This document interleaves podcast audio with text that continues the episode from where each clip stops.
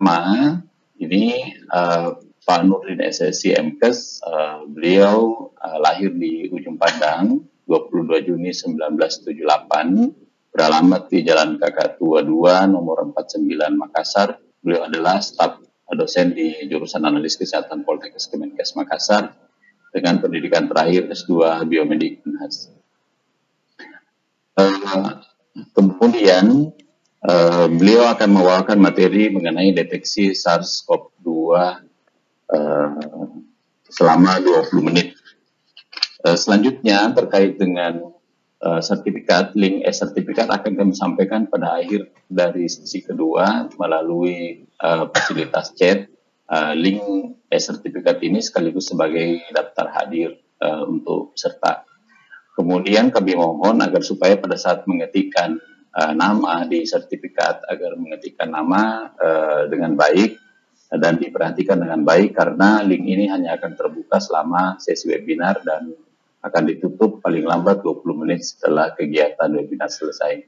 Kemudian untuk peserta hari ini kita batasi sampai dengan 200 uh, peserta uh, aktif. Uh, jadi kami mohon agar supaya link webinar yang telah disampaikan kepada Bapak dan Ibu itu tidak dibagikan kepada yang lain. Baik, untuk kesempatan pertama dan mengefisienkan waktu yang ada, kami persilahkan kepada Bapak narasumber yang telah hadir di tengah-tengah kita, Bapak Nurdin SSI MKes, untuk memaparkan materinya. Pada Bapak kami persilahkan. Ya, baik. Terima kasih Pak Askar, uh, moderator kita sebelum saya mulai saya ingin menyampaikan ucapan terima kasih sebesar-besarnya kepada Bapak Direktur serta jajarannya, juga kepada para kajur, terutama kajur analis kesehatan Bapak Kalma yang telah memberikan kesempatan kepada saya untuk uh, menjadi pemateri pada webinar podcast yang ketiga ini. Dan kepada seluruh uh, peserta yang telah berpartisipasi dalam webinar uh, kita kali ini. Baik, untuk mengefisienkan waktu, saya akan apa namanya membawakan materi saya dan lewat screen.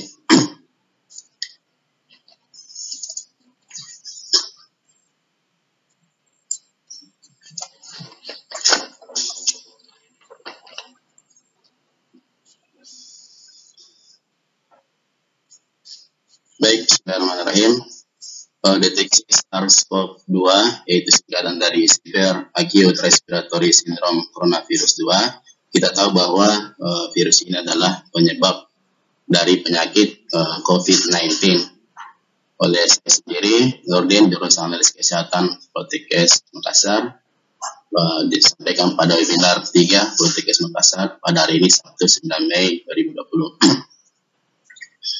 Nah kita tahu di dunia ini banyak uh, terdapat coronavirus, namun yang menginfeksi manusia itu uh, ada tiga, ada empat uh, genes ada yaitu alpha, beta, delta dan gamma. Dan kebetulan SARS-CoV-2 ini masuk dalam beta uh, coronavirus. Adapun struktur uh, SARS-CoV-2 kita sudah sama sering lihat ini terdiri dari ada uh, materi genetiknya berupa RNA dan yang paling penting di kita lihat adalah bagian uh, protein S itu spike bagian inilah yang dapat uh, menginfeksi pada sel uh, sel-sel di dalam uh, tubuh kita. Nah ini kita lihat uh, ternyata di dalam sel-sel tubuh kita di organ-organ kita itu terdapat uh, suatu protein yang disebut dengan angiotensin converting uh, enzyme itu inilah tempat uh, atau protein yang di mana virus tadi yang bagian S-nya spike bisa mengikat uh, protein tersebut bisa masuk ke dalam uh, sel dan menginfeksi uh, sel tubuh kita. Nah, S2 ini banyak uh, terdapat di dalam organ kita ini kita bisa lihat, tetapi terutama itu melimpah di bagian paru-paru dan usus uh, halus. nah, bagaimana jika virus ini masuk ke dalam tubuh? Uh, maka di dalam tubuh kita itu terjadi serangkaian uh, respon imun. Jadi kita bisa lihat rangkaian sistem rangkaian respon imunnya dan ujungnya nanti akan terbentuk antibodi. Antibodi nanti inilah yang sebenarnya nanti akan uh, kita deteksi di tes. Selain itu jika uh, penyakit uh, ini parah itu disebabkan karena berdasarkan uh, uh, teori itu disebabkan karena adanya cytokine storm atau badai sitokin yang dikeluarkan oleh sel-sel sistem imun yang memperparah uh, terjadinya uh, inflamasi atau pneumonia pada uh, paru-paru kita. Nah, bagaimana deteksi SARS-CoV-2 itu? Ini secara umum uh, deteksi uh, penyakit itu uh, dibedakan menjadi ada yang direct method atau metode langsung dan ada indirect method. Metode langsung ini adalah me, apa, mendeteksi uh, antigen virus secara langsung, tetapi uh, susah untuk digunakan. Misalnya susah untuk dilaksanakan. Misalnya ini adalah uh, mengisolasi virus, uh, kemudian mendeteksi genom lewat uh, PCR dan mendeteksi antigen. Tetapi tingkat kepercayaannya ini uh, tinggi. Nah, sedangkan uh, indirect method ini mudah untuk dilakukan, tetapi tingkat kepercayaannya uh, rendah. Uh, itu, uh, itu yang disebut dengan uh, tes serologi tadi mendeteksi antibodi, uh, IgM dan uh, antibodi IG, IgG. Nah, deteksi SARS-CoV-2 uh, untuk tes serologinya yang uh, sering kita dapatkan di masyarakat berbagai uh, di dunia uh, online sering kita dapatkan ada kata-kata istilah IgM dan IgG. Nah, untuk tes serologi ini mendeteksi antibodi IgM dan IgG spesifik SARS-CoV-2 di mana antibodi ini adalah hasil respon imun terhadap SARS-CoV-2 tadi. Nah, antibodi ini antibodi IgM adalah antibodi yang memang lebih awal dibentuk uh, dibanding IgG. Kenapa? Karena di dalam tubuh kita namanya terjadi switching class uh, produksi antibodi dari IgM menjadi IgG. Ini juga nanti yang menjadi petanda bahwa jika IgM itu muncul maka itu dikatakan uh, terjadi infeksi akut. Sedangkan untuk uh, IgG ini uh, infeksi yang uh, dalam tahap pertengahan atau dalam tahap akhir dari uh, penyakit. Nah, berbagai metode dalam uh, mendeteksi antibodi SARS-CoV-2 ini uh, di laboratorium bisa kita menggunakan metode ELISA, metode CLIA maupun metode IPA. Tapi yang paling uh, sekarang untuk tes rapid uh, massal itu digunakan um, monochromatografi atau bahasa rapid uh, test. Ini contoh uh, pengerjaan metode CLIA uh, di mana akhirnya di akhir dari uh, reaksi itu uh, terjadi uh, luminescence atau pendarahan cahaya yang bisa diukur dan sebanding dengan konsentrasi uh, antibodi yang kita uh, cari. Kelebihannya adalah uh, metode clear ini dan metode yang lain itu sensitivitasnya tinggi, kemudian spesifitasnya kuat dan uh, metodenya stabil dan cepat. Tetapi kekurangannya adalah uh, membutuhkan instrumen dan biaya reagen yang relatif tinggi sehingga tidak uh, dapat digunakan untuk uh, semua lab karena tidak mampu membayar biaya tersebut. Nah, ini yang di masyarakat sekarang yang banyak beredar adalah metode imunokromatografi tadi, yaitu rapid test. Teknologi ini memiliki persyaratan yang rendah, cocok untuk pengujian skala besar, dan dapat digunakan untuk diagnosis tambahan. Tetapi kekurangannya adalah walaupun sensitivitasnya baik, tetapi spesifitasnya yang relatif buruk. Uh, ini mengakibatkan nanti terjadi, banyak terjadi positif uh, palsu.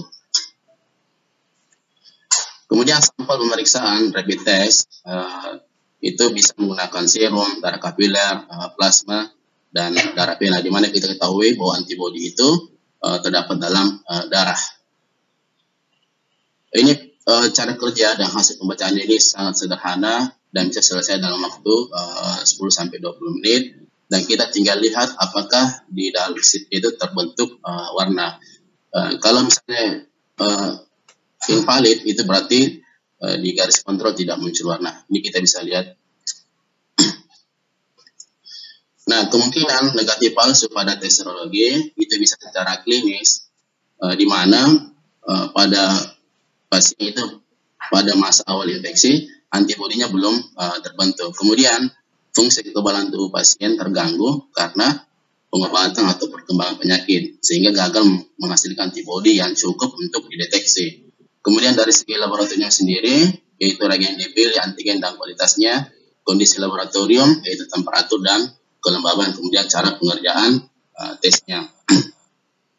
Sedangkan kemungkinan positif palsu pada tes serologi itu bisa disebabkan karena adanya faktor hematoid, ada heterofilik antibody, ada sistem komplement, ada anti tikus, antibody IgG, kemudian ada lisosim. Hal-hal inilah yang bisa menyebabkan uh, terjadinya positif palsu pada uh, rapid test tadi. nah, di di Kemenkes di gugus uh, tugas percepatan penanganan COVID-2 itu telah uh, direkomendasikan beberapa merek uh, RDT yang berada di masyarakat. Masalahnya adalah apakah regen-regen ini sudah terverifikasi? Di mana uh, sepengetahuan saya di negara kita ini uh, mungkin belum ada lembaga yang memverifikasi regen-regen yang masuk itu. Mungkin ada, tetapi itu uh, parsial dari profesi tertentu. Nah, buktinya kita lihat seperti contoh ini, ini ada hasil rapid test anti SARS-CoV-2 di mana pada pemeriksaan PCR-nya positif, tetapi ini dengan sampel yang sama, satunya memberikan hasil positif, satunya memberikan hasil negatif. Nah, ini karena itu tadi tidak uh, semua reagen beredar itu uh, sudah terverifikasi. Ini contoh kasus kita lihat uh, ini ambil, saya ambil di media online. Uh, ini terjadinya di Bali, itu di Banjar, Serokada Bali, di mana uh, masyarakat di situ di tes menggunakan RDT merek Vivadia. Dan ini merek Vivadia ini kita lihat ada di daftar rekomendasi tadi, yaitu di urutan ke-13. Tetapi ternyata setelah dites, jumlah yang positif itu adalah 423. Tapi setelah di PCR, ternyata sebagian besar itu adalah negatif sisanya uh, menunggu hasil eh, PCR. Inilah pentingnya kita untuk uh, memverifikasi reagen-reagen uh, yang masuk ke negara kita. Nah sekarang untuk tes PCR uh, untuk SARS-CoV-2 ini, ini lebih, spesifik dan lebih sensitif dibanding metode uh, tes serologi tadi karena yang dideteksi adalah antigennya, yaitu berupa asam nukleat. Nah, asam nukleat ini di SARS-CoV-2 ini adalah bentuknya adalah RN, RNA. Dan RNA ini mengandung gen spesifik yang merupakan uh, target untuk uh, dideteksi. Nah, ini kita lihat gennya dari uh, SARS-CoV-2 ini, ini kita lihat sampai hampir 30 ribu uh, BSP ya, di mana ada beberapa uh, gen yang bisa dideteksi. Ada gen E, gen M, gen N, ORP, RDRP, dan uh, gen uh, spike tentunya di eh, negara-negara uh, dunia ini memilih apa memilih gen-gen target uh, tertentu ini bisa kita lihat misalnya di negara kita itu mendeteksi uh, gen uh, RDRP dan gen uh, N. Sedangkan negara lain juga misalnya Jepang ini uh, dia pilih gen O, gen dan gen S. Nah, apa itu real time PCR? Adalah teknik amplifikasi yaitu perbanyakan DNA, di mana produk amplifikasi dapat dianalisis pada saat, pada setiap siklusnya dengan menggunakan fluorogenik probe. Nah, produk yang terjadi ini dapat dideteksi sekaligus kuantifikasi pada saat proses berlangsung sehingga tidak memerlukan perlakuan uh, post PCR. Jadi tidak seperti eh, PCR yang biasa itu memerlukan uh, misalnya uh, elektroforesis. Kalau real time ini jadi pada saat terjadi analisis juga langsung bisa dideteksi uh, yang kita gen yang kita cari.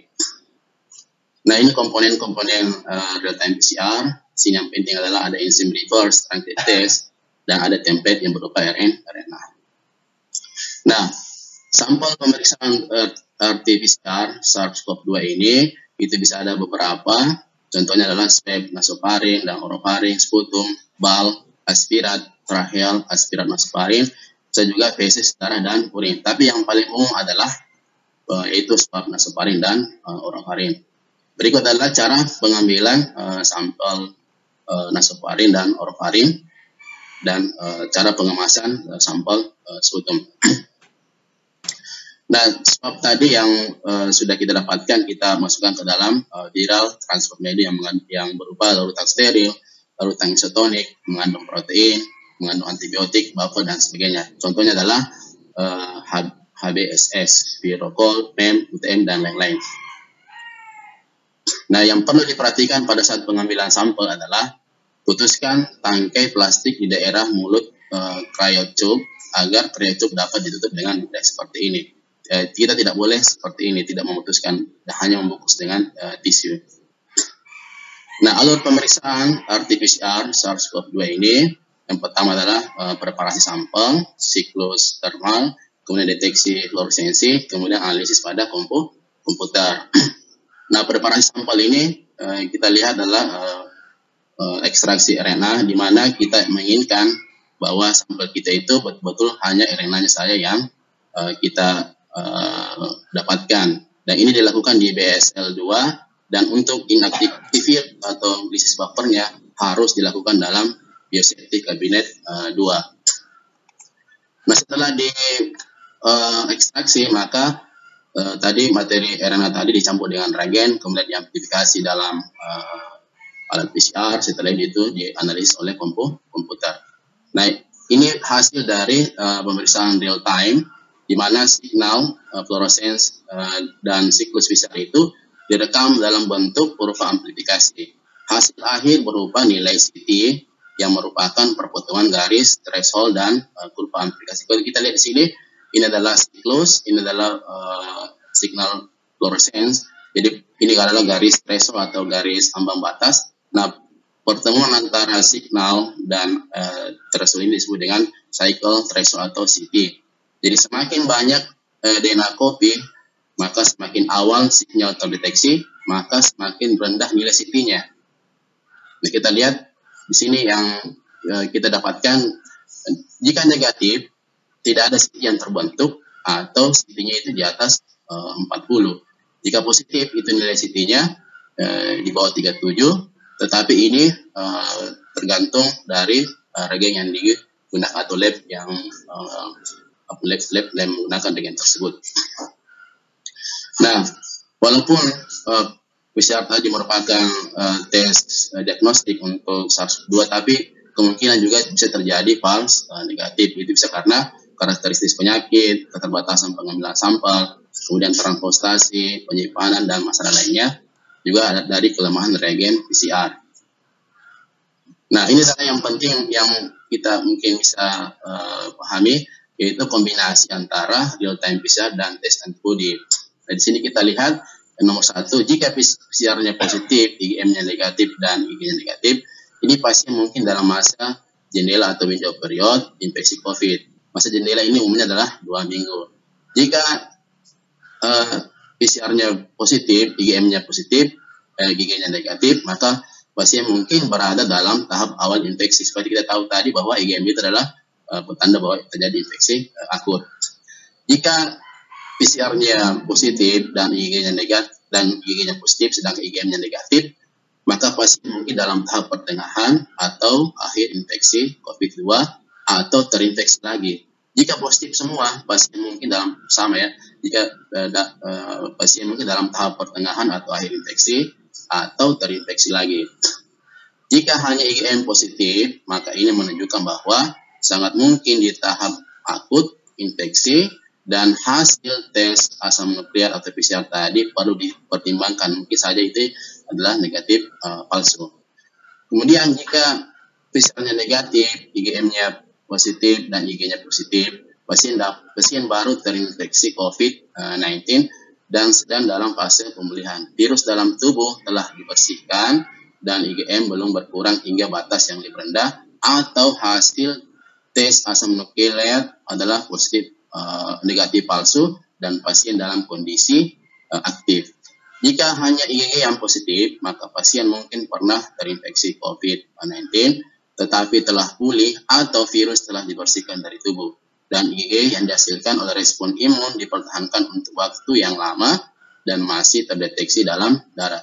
Jika IgM-nya positif lemah, maka pasien baru terinfeksi dan viral load beban infeksi sangat rendah, uh, viral load rendah di bawah ambang batas dari uh, yang, yang bisa dideteksi oleh asam uh, tes PCR.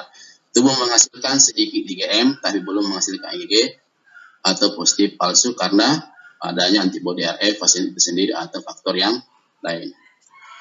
Nah ini adalah uh, alur pemeriksaan yang dikeluarkan oleh Kemenkes itu melalui pedoman pencegahan dan pengendalian coronavirus disease COVID-19 di sini kita lihat uh, eh, OTG, ODP, dan PDP itu dites uh, rapid.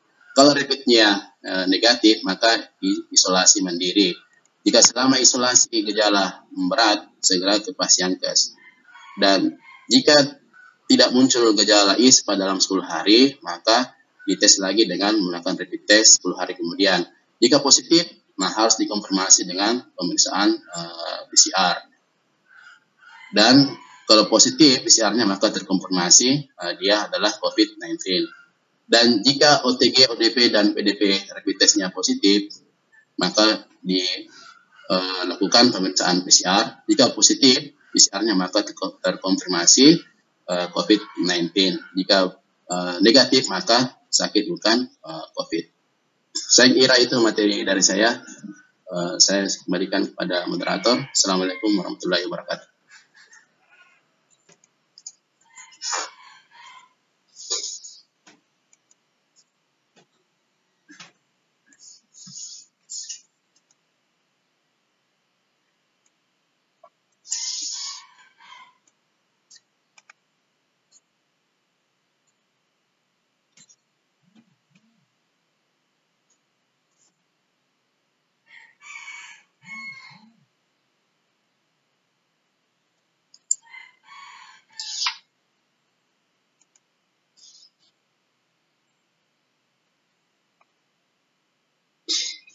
Nggak kedengaran suara Pak. Iya, di unmute Pak suaranya. Moderator, moderator, di unmute Pak. Pak. Sudah Pak, sudah Pak. Sudah kedengaran suara Pak? Pas. Tidak, Pak Askar, Pak Askar.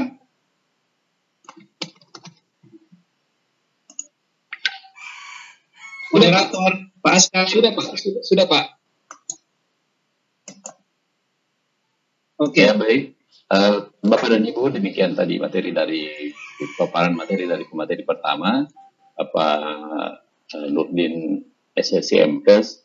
Bapak dan Ibu, kami sampaikan kembali bahwa bila ada pertanyaan-pertanyaan yang ingin disampaikan terkait dengan materi dari uh, pemateri pertama, itu silahkan diketik di menu chat yang ada di bagian bawah dari tampilan Zoom kemudian kami sampaikan bahwa untuk paparan materi yang kedua juga nanti akan disediakan waktu 20 menit. Paparan materi yang kedua ini terkait dengan uh, bagaimana mengatasi masalah sakit gigi pada masa pandemi COVID-19.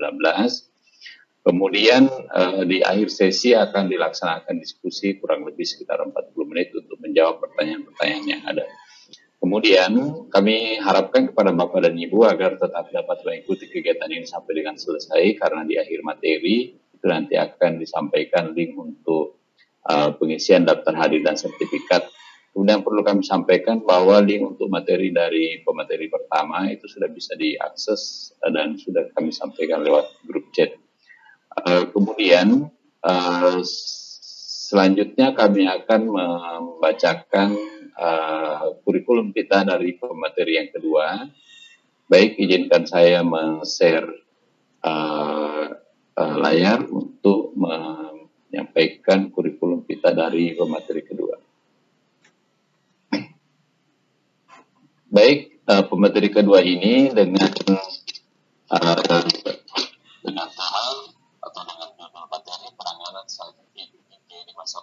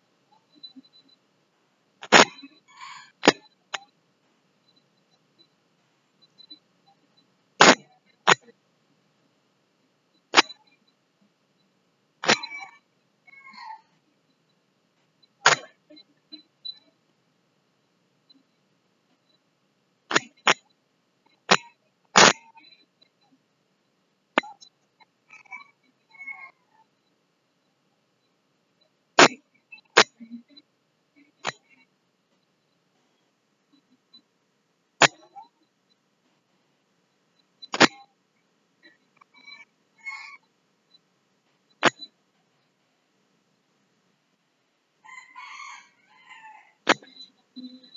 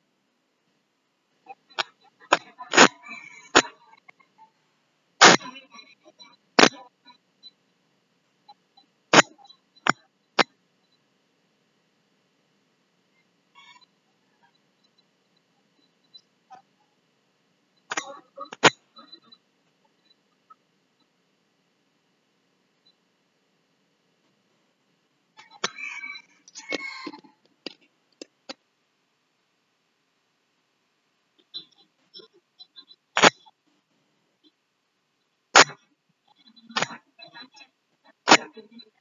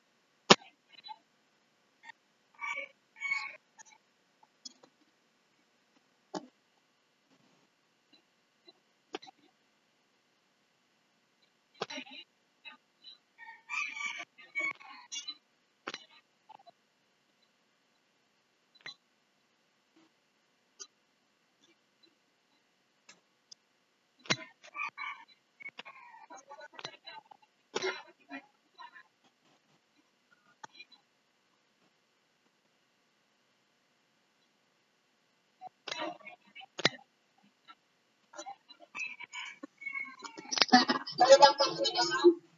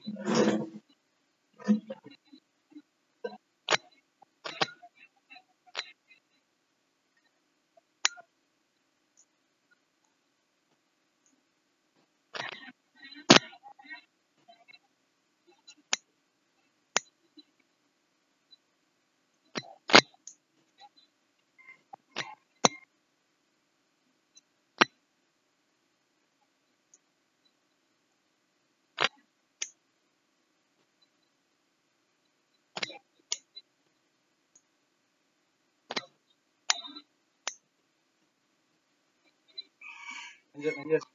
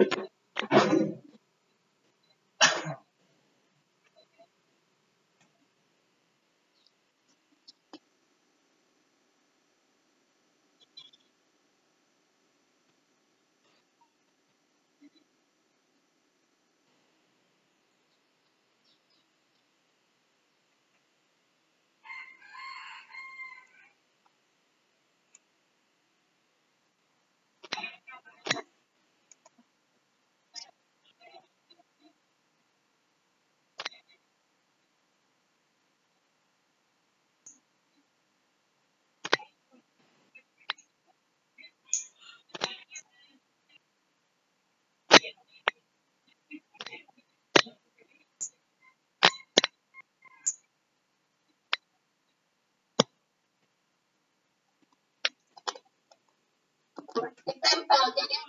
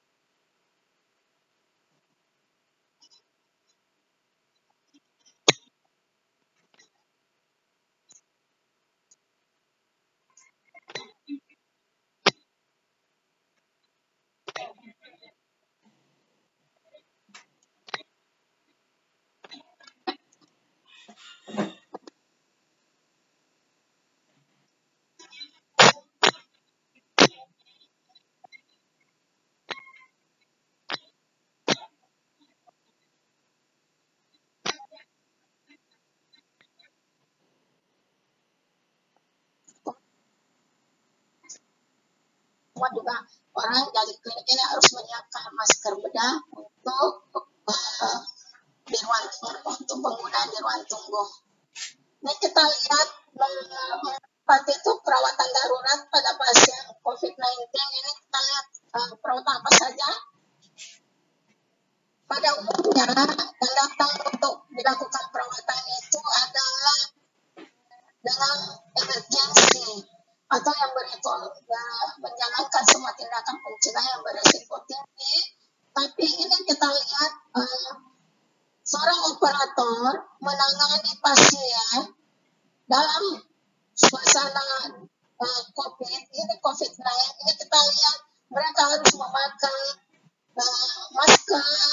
Masker itu N95 kemudian ini harus dia pakai kepala kemudian kacamata kemudian ini sarung tangan, kemudian ini baju yang anti kedap air, ya.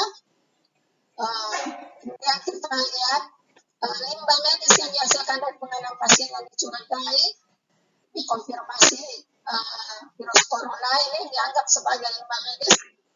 Harus ditangani sesuai dengan protokol setempat. Jadi kalau kita menangani seseorang yang sudah beresiko, harus ada protokol. Melakukan ini ada prosedur protap protap protapnya. Dari apa dulu apa dulu dan bagaimana dan seterusnya ya di pasal di mereka sudah uh, di data unit jadi di kursi duduk mereka sudah uh, duduk. Kita harus uh, sudah membuka maskernya kemudian uh, disuruh dulu kumur-kumur dengan atau yodin uh, kemudian supaya untuk mematikan uh, kuman yang ada di sekitar mulut kuman-kuman virus corona, como la que se uno puede.